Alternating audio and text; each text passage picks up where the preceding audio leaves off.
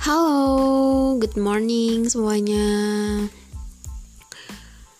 Buat kalian yang lagi ngerasain takut, entah itu takut untuk berdiri di hadapan umum, takut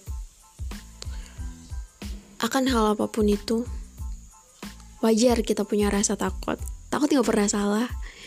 Kita emang udah dikuadratin buat punya rasa takut. Takut juga bikin kita lebih waspada. Waspada untuk tidak melakukan hal-hal buruk. Takut tuh nggak bisa kita hilangin, tapi takut masih bisa kita kendaliin.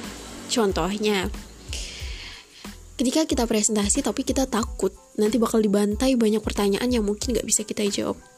Berarti solusinya adalah dan kita menambah pengetahuan kita agar kita bisa menjawab pertanyaan-pertanyaan itu mungkin kita sering melihat orang kok mereka berani ya? Kok kayaknya mereka nggak punya rasa takut? Nggak gitu. Sebenarnya semua orang tuh punya rasa takut. Ya orang berani tuh bukan berarti tidak punya rasa takut.